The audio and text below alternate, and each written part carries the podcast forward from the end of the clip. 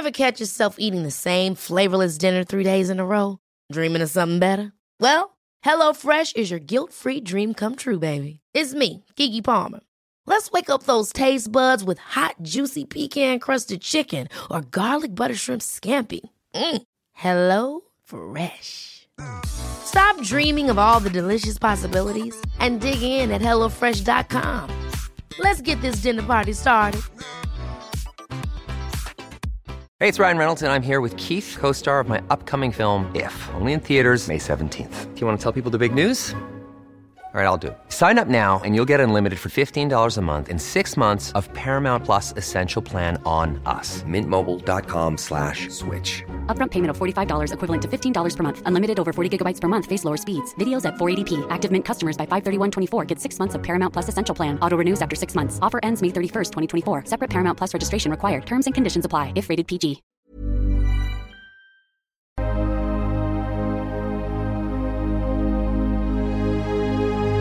Ljus eller mörker gäller människor i den fysiska dimensionen och varelser i alla andra dimensioner. För att kunna se vad som är vad behöver vi människor vara öppna för både ljus och mörker. Det kräver mod och ett öppet sinne. Ljuset ger oss ljus, värme, kärlek, gemenskap, tillhörighet, vänskap och en massa vackra livsupplevelser. När vi talar om mörkret i podden så är det när vi människor upplever förvirring, kaos, hot, angrepp, manipulation, splittring som bidrar till att man känner sig ensam, isolerad och rädd. Att vara i sin egen kraft är att våga se verkligheten för vad den är och där göra medvetna val. Du kan bara kontrollera din värld, dina känslor, din livsupplevelse och det är att vara i sin egen kraft.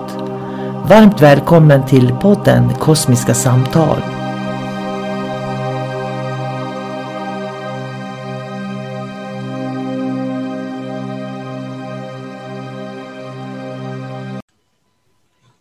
Hej och varmt välkommen till Kosmiska samtal. En podd som jag, sol karina har med David Gran. Så jag säger hej igen David. Tackar. Varsågod skulle jag säga. Hej. Hej. Hej och tack. Ja, det, det är jag som administrerar den och skickar upp den i etern, men det här är en podcast som jag har tillsammans med David faktiskt. Så att vill ni lyssna på David, då är det här rätt forum där han säger vad han tycker och tänker om livet. Idag skulle vi prata om vad är kärlek? Var det det vi sa? Eller sa Det var det, det, var det vi sa. Ja, vad är kärlek David? Ja, eh, det är en jättebra fråga vad kärlek är. Jag skulle någonstans säga att många säger att ja, kärlek det, det är det som definierar oss människor.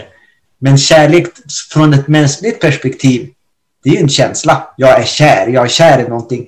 Jag skulle säga att i vårt grundtillstånd, när man liksom kommer upp från den här kroppen, går tillbaks i det stora medvetandet. Och det där tillståndet då man bara är ett med allting. Då man vet att jag är allt i min omgivning. Det är kärlek. Och det är spännande. Hur definierar du det till eh, de här närmaste då? Nu kommer det att låta som att jag är väldigt känslokall.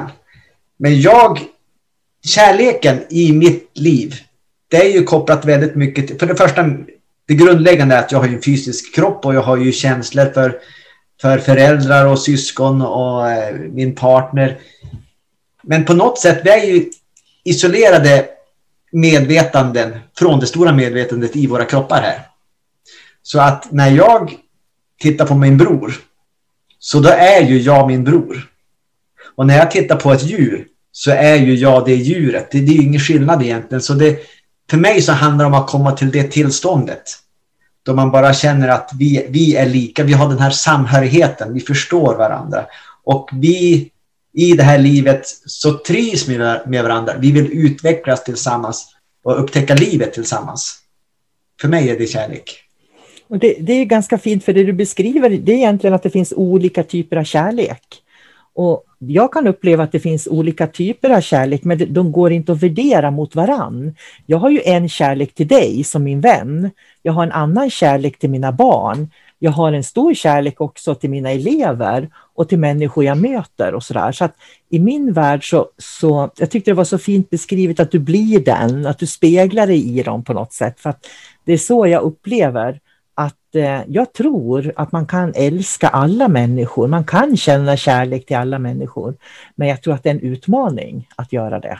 Mm. Därför att det finns ju människor som vi kanske inte sätter så högt på listan om man säger så.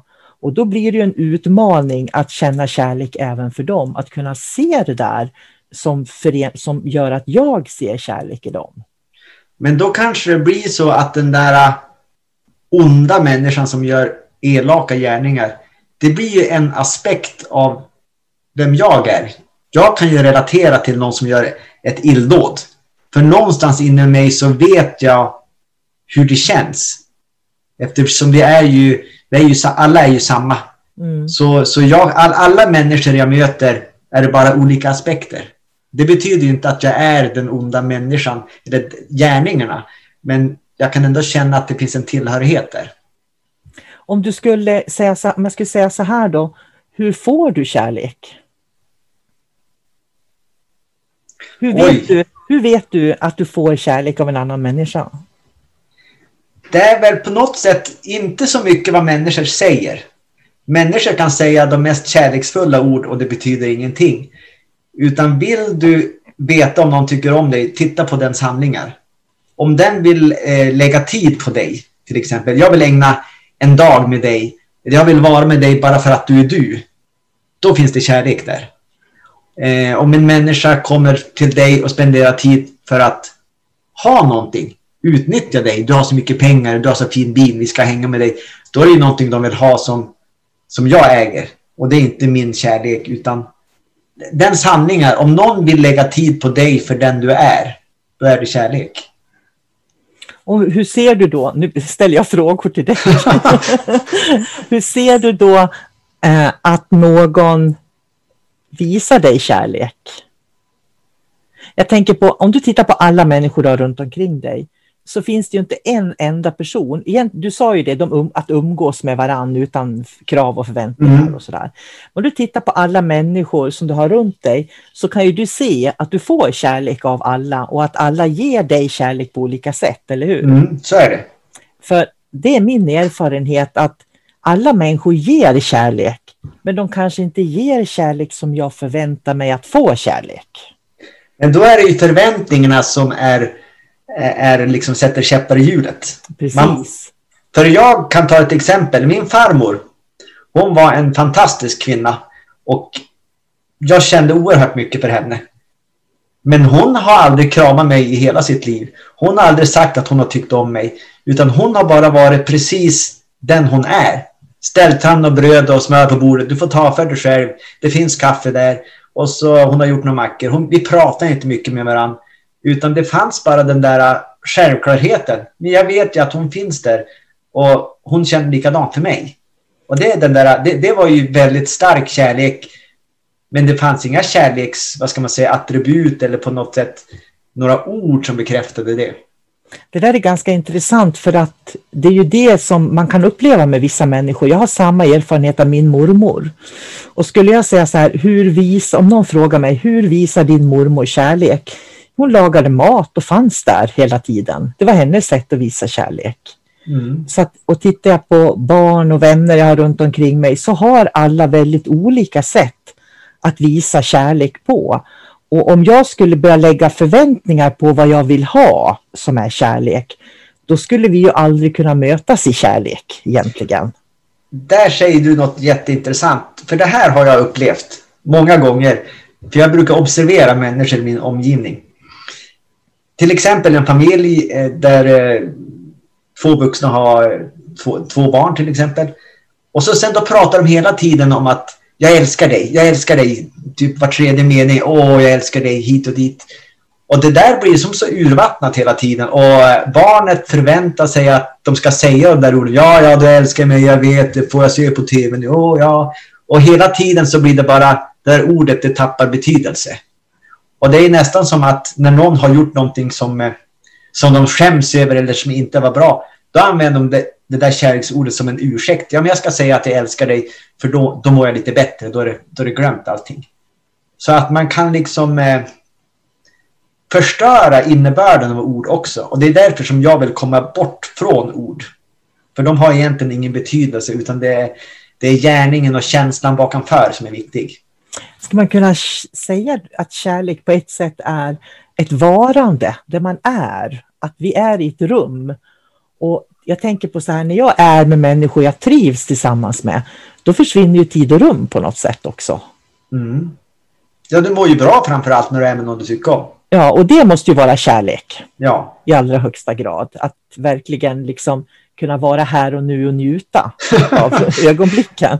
Ja, jag gillar ju kontraster. Så att om man sätter det här, nu är jag med en människa som jag mår bra av.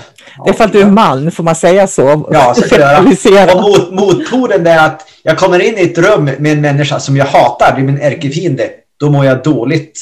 Så jag menar, om man sätter de kontrasterna mot varandra, så då börjar man ju också förstå att vi mår ju bra av kärlek. Så att man, man måste lära sig känna den känslan också. Man får en, liksom en, en värme tillbaks. Och det är inte alltid att man pratar med varandra utan man kan bara sitta tillsammans och se på tv eller vad man gör och så får man den där känslan av samhörighet på något sätt. Jag tycker det är jättefint beskrivet för jag tror att det vi ska öva på även när vi möter någon som vi inte känner den samhörigheten med.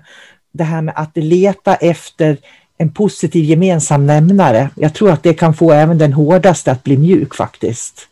Mm. Och vara medveten om att, jag menar, om jag möter någon som är jätteelak och jättevärderande och sådär, så kan jag ju ändå välja att vara i min känsla av värme och omtanke. Mm, så är det. Så att jag kan ju behålla den där känslan av kärlek inom mig. Alltså jag tycker det är spännande det här att diskutera kärlek och vad kärlek är och, och speciellt vilka förväntningar man har på vad kärlek är. Jag kan ju se att vad kärlek är har verkligen förändrats för mig från det jag var tonåring tills jag är 50-åring, om man säger så.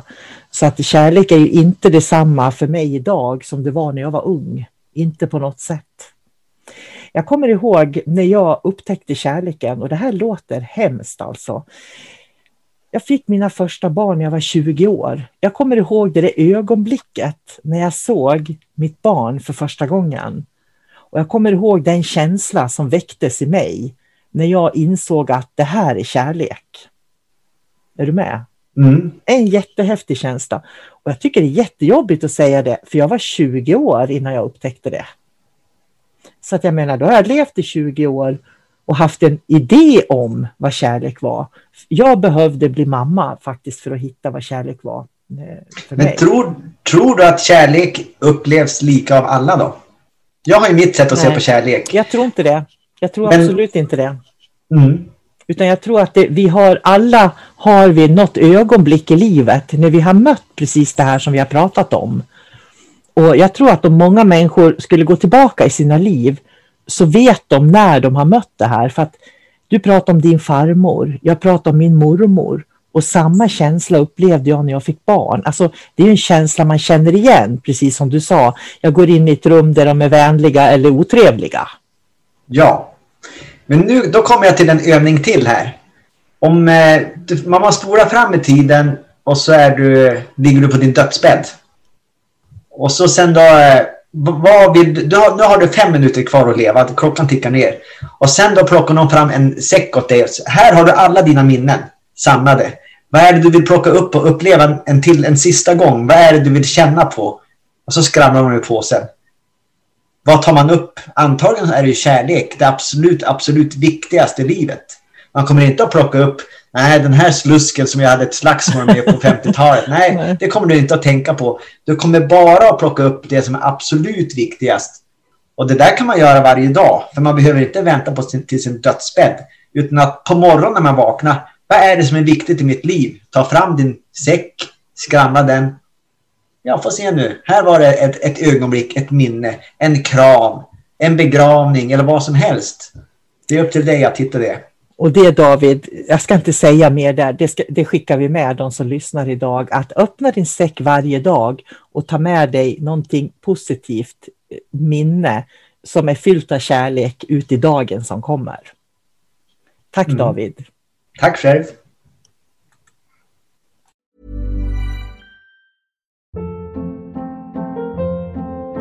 Hold up. What was that? Boring. No flavor. That was as bad as those leftovers you ate all week. Kiki Palmer here, and it's time to say hello to something fresh and guilt-free. Hello Fresh. Jazz up dinner with pecan-crusted chicken or garlic butter shrimp scampi. Now that's music to my mouth. Hello Fresh. Let's get this dinner party started. Discover all the delicious possibilities at hellofresh.com.